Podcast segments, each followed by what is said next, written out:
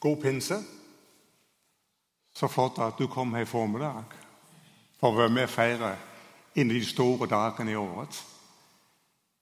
Det er fint at vi som kristen menighet kan markere disse høydepunkter i løpet av et år som på en spesiell måte omhandler det Gud har gjort for oss for å gi oss nytt liv.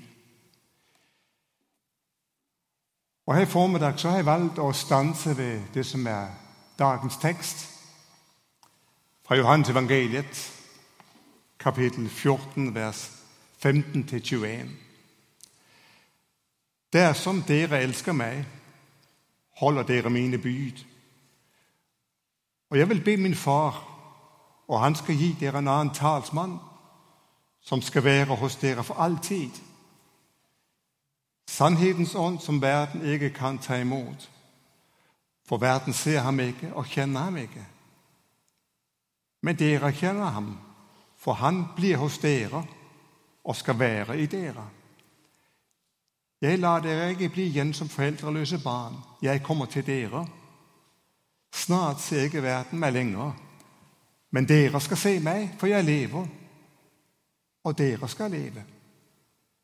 Den dagen skal dere skjønne at jeg er i min far, og at dere er i meg og jeg i dere. Den som kjenner mine bud og holder dem, han er den som elsker meg. Og den som elsker meg, skal min far elske. Ja, også jeg skal elske ham og åpenbare meg for ham. Herre Jesus, nå ber vi om at ordet vi har delt med hverandre, må bli et budskap, en hilsen fra deg midt inn i vår livssituasjon. Amen. Eh, jeg skal starte med et uttrykk jeg lærte etter jeg flyttet til Norge. Og det er å hoppe etter Wirkola. Hoppsporten er ikke akkurat det store i mitt hjemland. Men tro det eller ei, det finnes faktisk, eller det har vært hoppbakker i Danmark. Vet ikke om noen av dere har sett det. Men utenfor København der er det en forstad som heter Holte. Og Der bygget man i på 40-tallet en hoppbakke som man kalte Holtekollen. Jeg vet ikke hvor inspirasjonen har vært fra. Men uh, Birger Ruud han satte rekorden, som fortsatt står nå bakken revet ned. Rekorden var på 36 meter. Og Etter vinter-OL i Oslo i 1952 var det stort hoppstevne i Holtekollen. Og 30 000 mennesker møtte opp for å se de norske heltene. Det er sånn litt historie. Så det å hoppe etter Wirkola ja, Det lærte jeg først betydningen av at jeg kom her til landet. Denne hopplegenden han satte en standard for hopping som mange opplevde umulig å leve opp til. Så det står for noe som det er vanskelig å etterfølge. Det er vanskelig å overta, fordi han var så mye bedre enn de som kom etter. Store personligheter kan under tiden gjøre det vanskelig for de som kommer etter. Statsledere. Noen fyller kolossalt mye, så kommer noen som skal prøve etter dem. Vi kjenner det fra menighetslivet òg, hvor det har vært store trær i skogen som har spredt seg og har fylt så kolossalt mye at det er nesten umulig å komme og ta over etter dem. Eller for ekteskapet. Min mors kjøttkaker var bedre enn dine. ikke sant? Det er ikke så lett å komme etter. I dagens tekst skal Jesus forberede disiplene på en ny tid. Det er egentlig den siste kveld med gjengen, for å si det sånn. Skjærtorsdag. Og Mange ganger så bruker man den siste kveld på å se tilbake på det som har vært. Er det populære programledere på TV, så tar man noen repriser av det som har vært morsomt, det som har vært spesielt. Og Jesus han går og lent seg tilbake og så kunne han sagt, Husker dere? Husker dere da vi hadde de få fiskene og brødene, og 10 000 av mennesker ble mettet? Husker dere da mannen ble firet ned gjennom taket? Husker dere hva vi opplevde da? Og Peter, du husker da du gikk på vannet? Det var så mye å dra fram for de tre årene som var. Husker du? Siste kvelden. Det var så rik anledning til å gjøre det. Men det er ikke det han gjør. Han ønsker de skal vende blikket oppover og framover mot det som skal komme.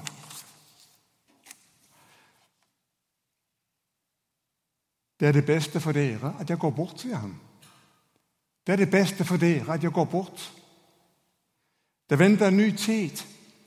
Det venter en tid som faktisk er bedre enn de tre årene de har opplevd. Og Det er jo helt umulig å forstå, helt umulig å begripe, at det som kommer etter meg, etter Jesus Kristus fra Nasaret, det skal bli bedre for dere. Hvordan er det mulig? Hvordan er det mulig? Jeg vil be min far, og han skal gi dere en annen talsmann, som skal være hos dere for all tid. Vi feirer pinse, og pinseopplevelsen var jo helt spesiell. Tunger liksom ild kom og fordelte seg på hver enkelt av dem. De opplevde en kraft. De vågte å stå fram og proklamere Jesus Kristus. Og 3000 mennesker ble frelst, ble kristne den første dagen. Denne opplevelse det var ikke et resultat av menneskelig anstrengelse, av en spesiell troskonsentrasjon. Det var ikke et resultat av ønsketenkning. Det var ikke menneskelig manipulasjon, hvis jeg kan si det rett. Det var ikke hallusinasjoner, men det var virkelighet. Det var Gud som denne morgen sender Den hellige ånd til disiplene. Jeg vil be min far, og han skal, han skal gi dere en annen talsmann. Det var Gud som ville det. Det var hans tanke, det var hans plan, det var hans handling. Jeg vil be, og han skal gi dere. Og det er på en måte det som følger etter at Jesus Kristus har vært i denne verden. I tre år demonstrerte han Guds makt, Guds kraft, Guds kjærlighet. Så dør han for all verdens synd på et kors. Påskemorgen står han triumferende opp, og Gud viser at det Jesus Kristus gjorde, det var nok. 40 dager etter så farer han til himmels. Han presenterer det fullbrakte frelsesverket i den himmelske helligdom, for å bruke det bildet. Og som en konsekvens av det kan livets ånd vende tilbake til mennesket og gjøre noe helt nytt i denne verden. Jeg vil be min far, og han skal sende, det, sende dere. Nå finnes det mange forskjellige uttrykk, beskrivelser av Den hellige ånd. Det finnes så mange ord som sier noe om oss, hvem han er. Her i avskjedstalen så er han kalt talsmannen. Talsmannen er en person som skal tale på andres vegne. Skal tale på vegne av en gruppe, en virksomhet, en myndighet, en organisasjon. Og Jeg vet ikke helt hvorfor man har oversatt det her begrepet med talsmann i Bibelen. Tanken kan vel ha vært at han representerer Gud blant oss nå han taler Guds budskap inn i vår livssituasjon. Men fullt og helt så det er begrepet talsmann ikke det som egentlig er sagt. Og jeg skal Det er ikke så ofte jeg bruker greske ord, men jeg skal gjøre et unntak her i formiddag. Ordet som her er brukt, er parakletos. Og det betyr en som er tilkalt. En som er kalt til oss og De gamle grekere de brukte som en person der kunne vitne i en rettssak. Altså var kalt til for å vitne om hvem du er, og hva du har gjort og ikke har gjort. Det kan også være en som er kalt til for å være din advokat, tale din sak. Det kan også være en person som er kalt til for å sette mot i nedbrutte og desillusjonerte, motløse soldater. Det var alltid en som skulle stille opp for, for de som trengte det. En, som skulle hjelpe i nød, vanskeligheter. Det fortelles om en missionær i Afrika, som i tre år prøvde å finne et uttrykk som kunne brukes inn i språket, så han virkelig kunne forklare, hva den hellige ånd er ut for det her. Og først så tenkte han skulle beskrive et ord, som tar om en mors omsorg. Men etter å ha vært til stede i en rettssak, så skjønte han plutselig at parakleten, det er en, som har interesse for hele folket, og står sammen med dem i vanskeligheter. Og der fant han så et ord, det kunne uttrykke. En, som er tilkalt, En, som har interesse for alle, og som står sammen med oss i vanskeligheter. Altså talsmannen, det er den hellige ånd Gud har sendt os. Han skal være hos oss. Han skal hjelpe oss i vårt møte med livet, i vår tjeneste. Han er en venn, Han er en hjelper, Han er en trøster. Han er en rådgiver. Han står aktivt ved vår side for å hjelpe oss. Og det er Gud, som har sendt ham, fordi Gud vil det. En annen talsmann sier Jesus. Noe kan anden jo betyde noe som er anderledes. Men her betyr det en annen av samme type, av samme slag som jeg. Han har samme vilje, han har samme vesen, han har samme handling. Han har den samme funksjonen hos dere, som jeg hadde. Og hvor lenge skal han være her? Han skal være for alltid, sier Jesus. Han skal være hos dere for altid. Vi har delt verdenshistorien opp i et før og etter Kristus, når det gjelder fødselen. Når det gjelder Guds forholdet, så er det et før og etter pinsen. For i pinsen skjer det noe radikalt nytt for den, som tror på Gud. Noe radikalt nytt. Jesus var hos disciplene i fysisk forstand, i legemet, i tre år. Så forlod han dem. Men den hellige ånd er hos oss for alltid. Han skal ikke bli borte fra menigheten på noe tidspunkt. Og han har ikke vært borte fra menigheten. Han har vært her i snart 2000 år. Pinsedagen er starten på det nye for Guds folk. Det helt nye. Det revolusjonerende. Og vi er kaldt til å leve i fortsettelsen. Apostlenes gjerninger er boken, som handler om menigheten i pensen og etter pensen.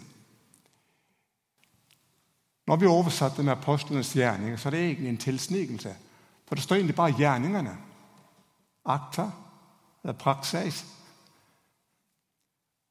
Det kunne gjerne ha stått den hellige ånds gjerninger, for det er jo han, som virker i og gjennom apostlene.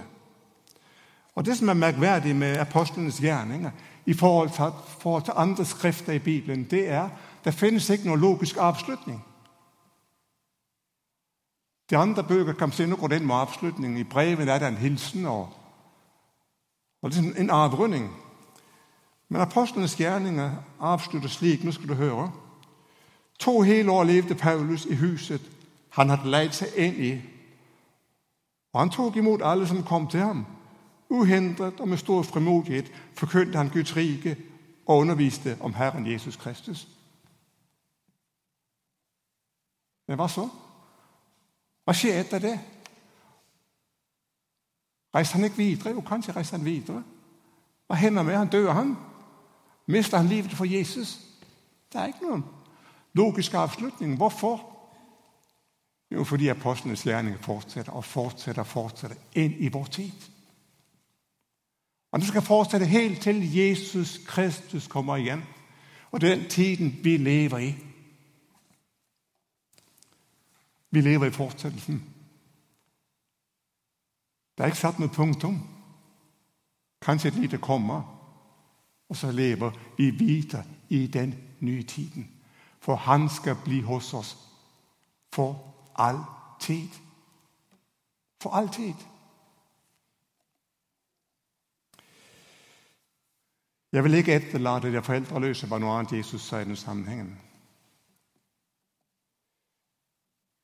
Jeg husker jeg mistet min far da jeg var 29 år. Og det var ikke noe katastrofe. Egentlig ikke. Hadde jeg mistet ham da jeg var 10 år, hadde det vært en annen virkelighet. Noe annet å forholde seg til. Hadde det vært to år, hadde det vært enda verre. Men 29 år, jeg var en voksen mann. Jeg var gift. Hadde barn. Var begynt livet selv. Klart det var et savn, det var en sorg. Det jeg mest alt savnet det var å ha en å snakke med. En del opplevelser med, en del de gode fotballkampene med. ikke sant? For disiplene var det annerledes. Etter de tre årene når Jesus forsvant, så var de fylt med frykt. De var rådville. De stengte seg inne. Hva nå?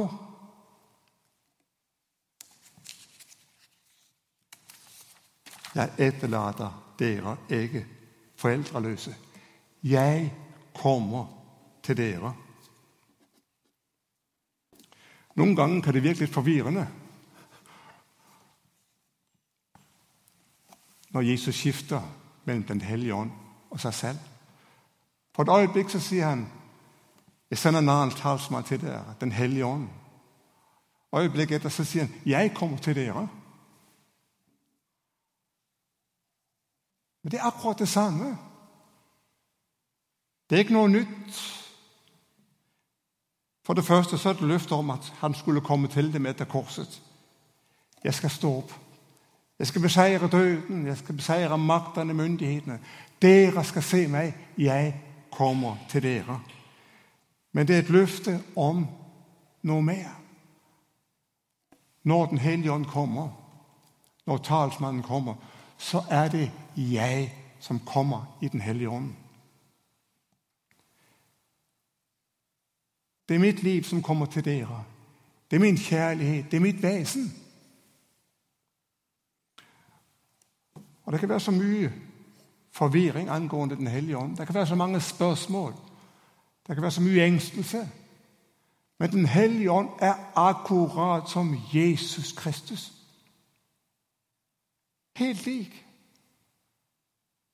For det er ham han bringer med seg. Og Det er derfor Paulus i sted kaller Den hellige ånd for Kristi ånd. Det er ikke noe vesensforskjell. Det er akkurat det samme. Men han gjør ham levende, han gjør ham nærværende.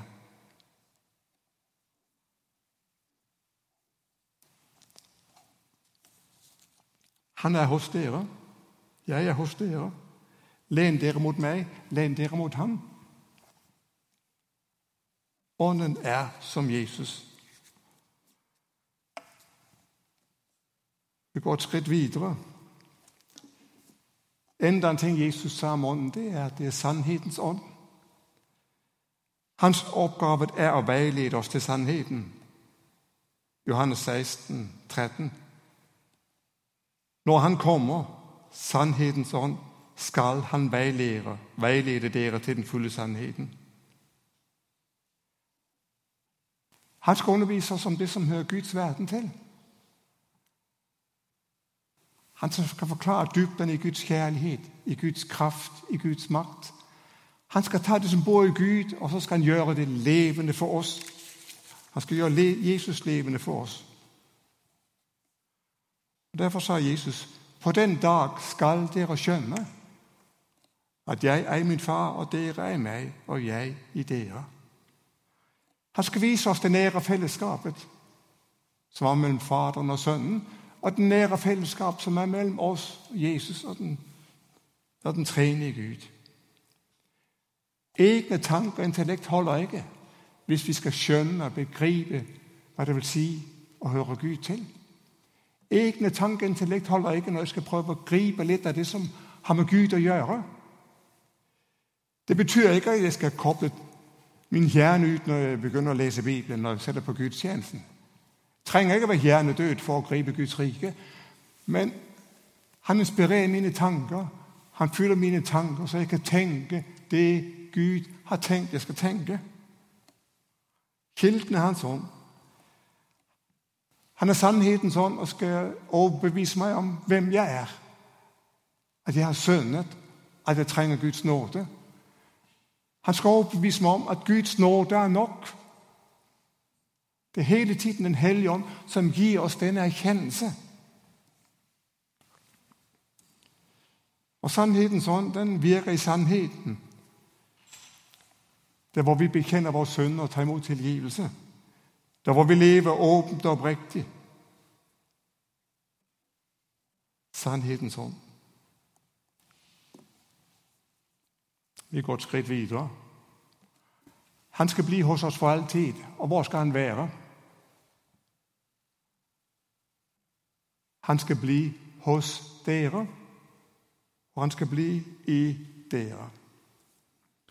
Jeg vet ikke hvor motivert du er for grammatikken pinse søndag. Du må finne deg litt dårskap fra min side. Han skal bli hos oss. Er man hos, så er man ved siden av. ikke sant? Man er i nærheten.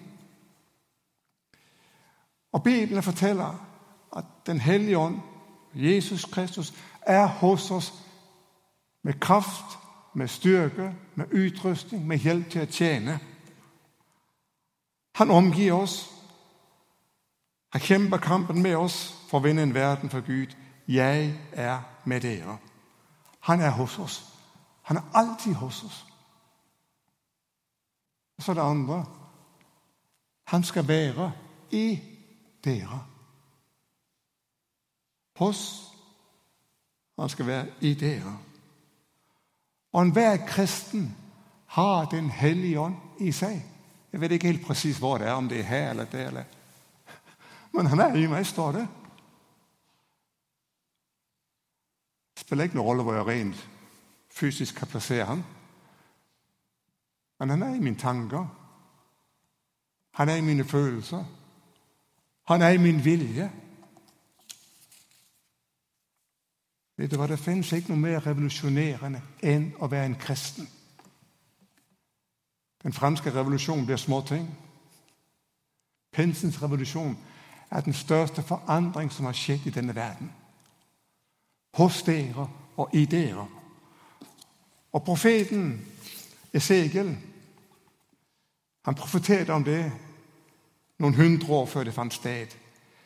Da vil jeg la dem få et nytt hjerte og la dem få en ny ånd. Jeg vil ta steinhjertet ut av kroppen deres og gi dem et kjøtthjerte. Steinhjertet, det er dødt.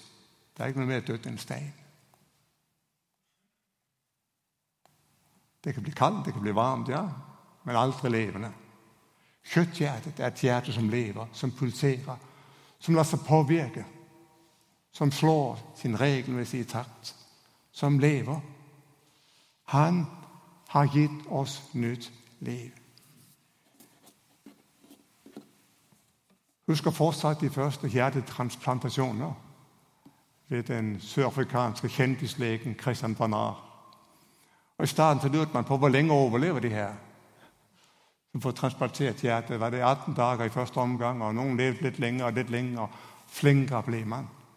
Men så imponerende. Man kunne skifte hjertet ut til de som trengte det.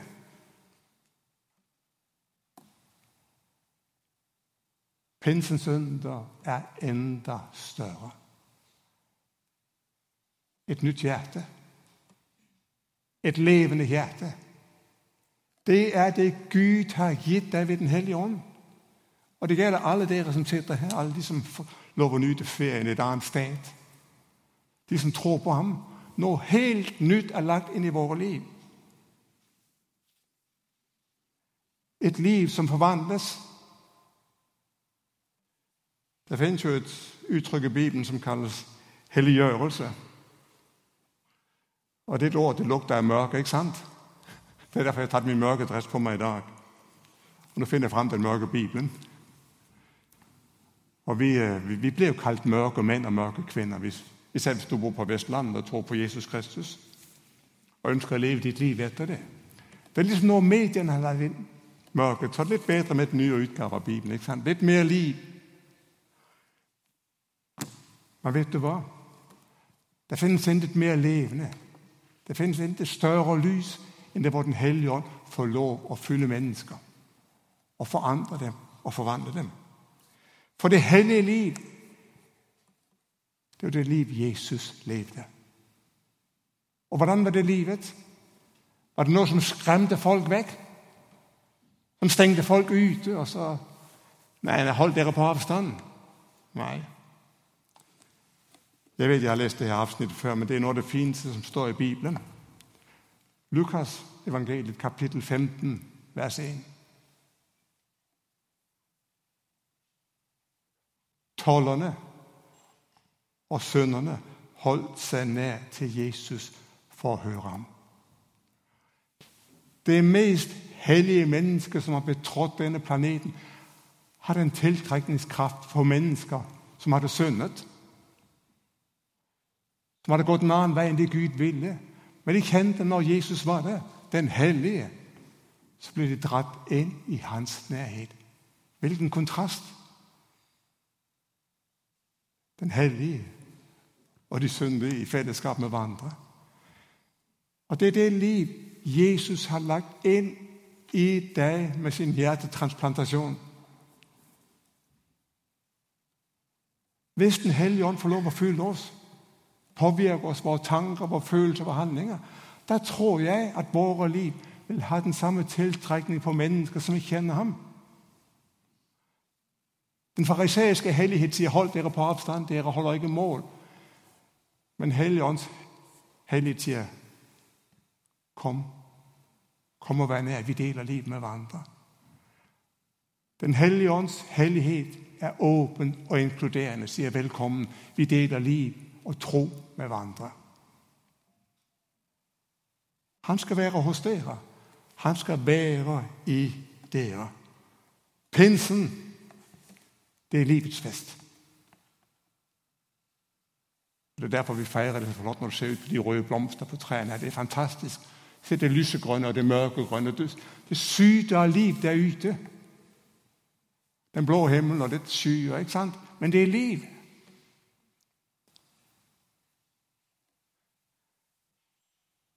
Gud ønsker vi skal være livets forsamling. Stanley Jones, en av de store misjonærer tenkere på 1900-tallet, har skrevet en bok som jeg har hatt mye glede av. Den har tittelen 'Den hellige ånd og vi'. Og Et enkelt sitat fra denne boken. I pinsen møtes livets mulighet og livets virkelighet. Gud betror oss sin veldige kraft hvis den brukes til å gjøre oss lik Kristus. Vel, så er det pinse igjen. Julen har vært her, påsken har vært her, nå er det pinse. Alle disse høytider markerer virkeligheten, historiske begivenheter. Det er derfor juleevangeliet begynner slik. Det skjedde i de dager. Det har virkelig hendt. Påsken har hendt. Jesus døde på et kors. Han står opp triumferende påskemorgen. Og pinsen har virkelig hendt.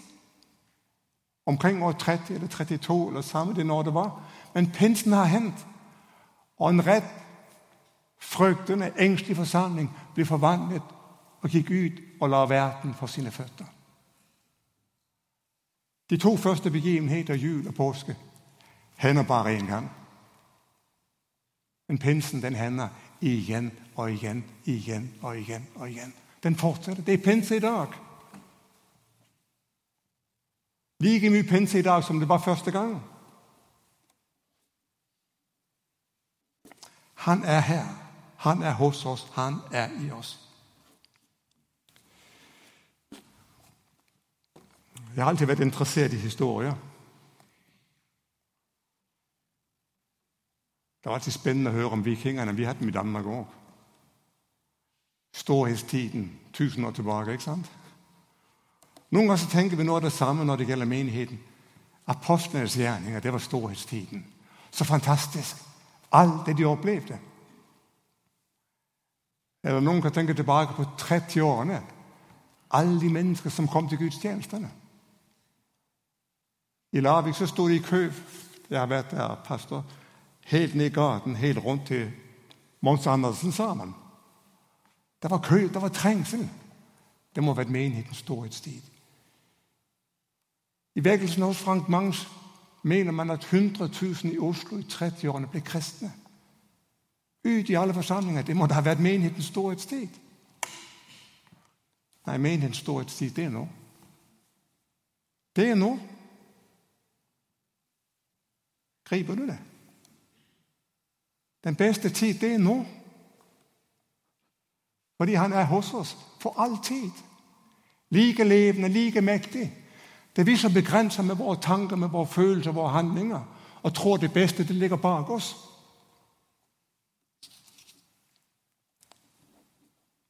Jeg tror Gud ønsker hver generasjon skal oppleve sin tid som storhetstiden. Alt er mulig også i dag. Like mulig som det var pinsemorgen og pinsedagen.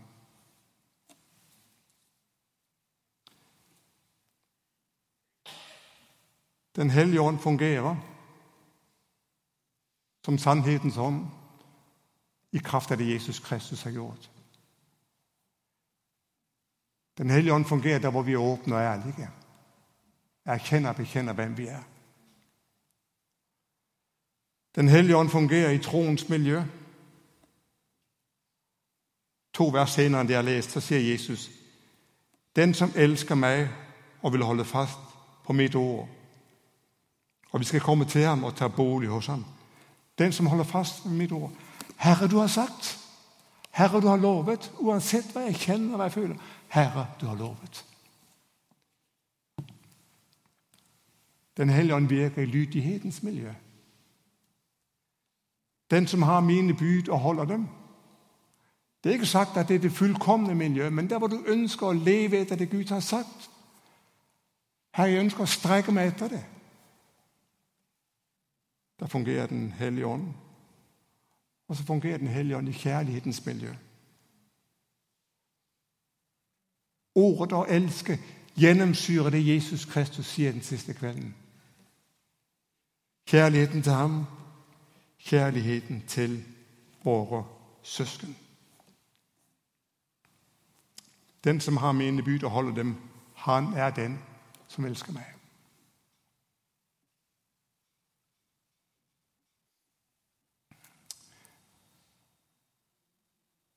Nå står vi på toppen av hoppbakken. Ser du det? Vi skal se det ut. Wirkola har hoppet før oss. Eller for å bruke det bibelske uttrykket Jesus har vært det. Han har et flott nedslag. Han satte rekorden, skjønner du. Men vet du hva? vi kan få lov å hoppe enda lenger. Vi får lov å strekke oss enda lenger. Han sa at de som tror på meg, skal gjøre enda større gjerning enn jeg gjør. Våger vi å satse? Han lover oss en ny og bedre tid til Den hellige ånd. Jeg tror ikke vi har skjønt det. Jeg Jeg tror ikke vi har grepet det. Men det er det han sier. Det er det han sier. Tror vi på en ny tid for våre liv personlig? Tror vi på en ny tid for Haugesund misjonsmenighet? Tror vi på en ny tid for Haugesund? For området, for byen? Han har i hvert fall lovet at alt er mulig. Det beste det ligger ikke bak oss, det ligger framfor oss. Og han skal være hos oss, i oss, for all tid. Amen.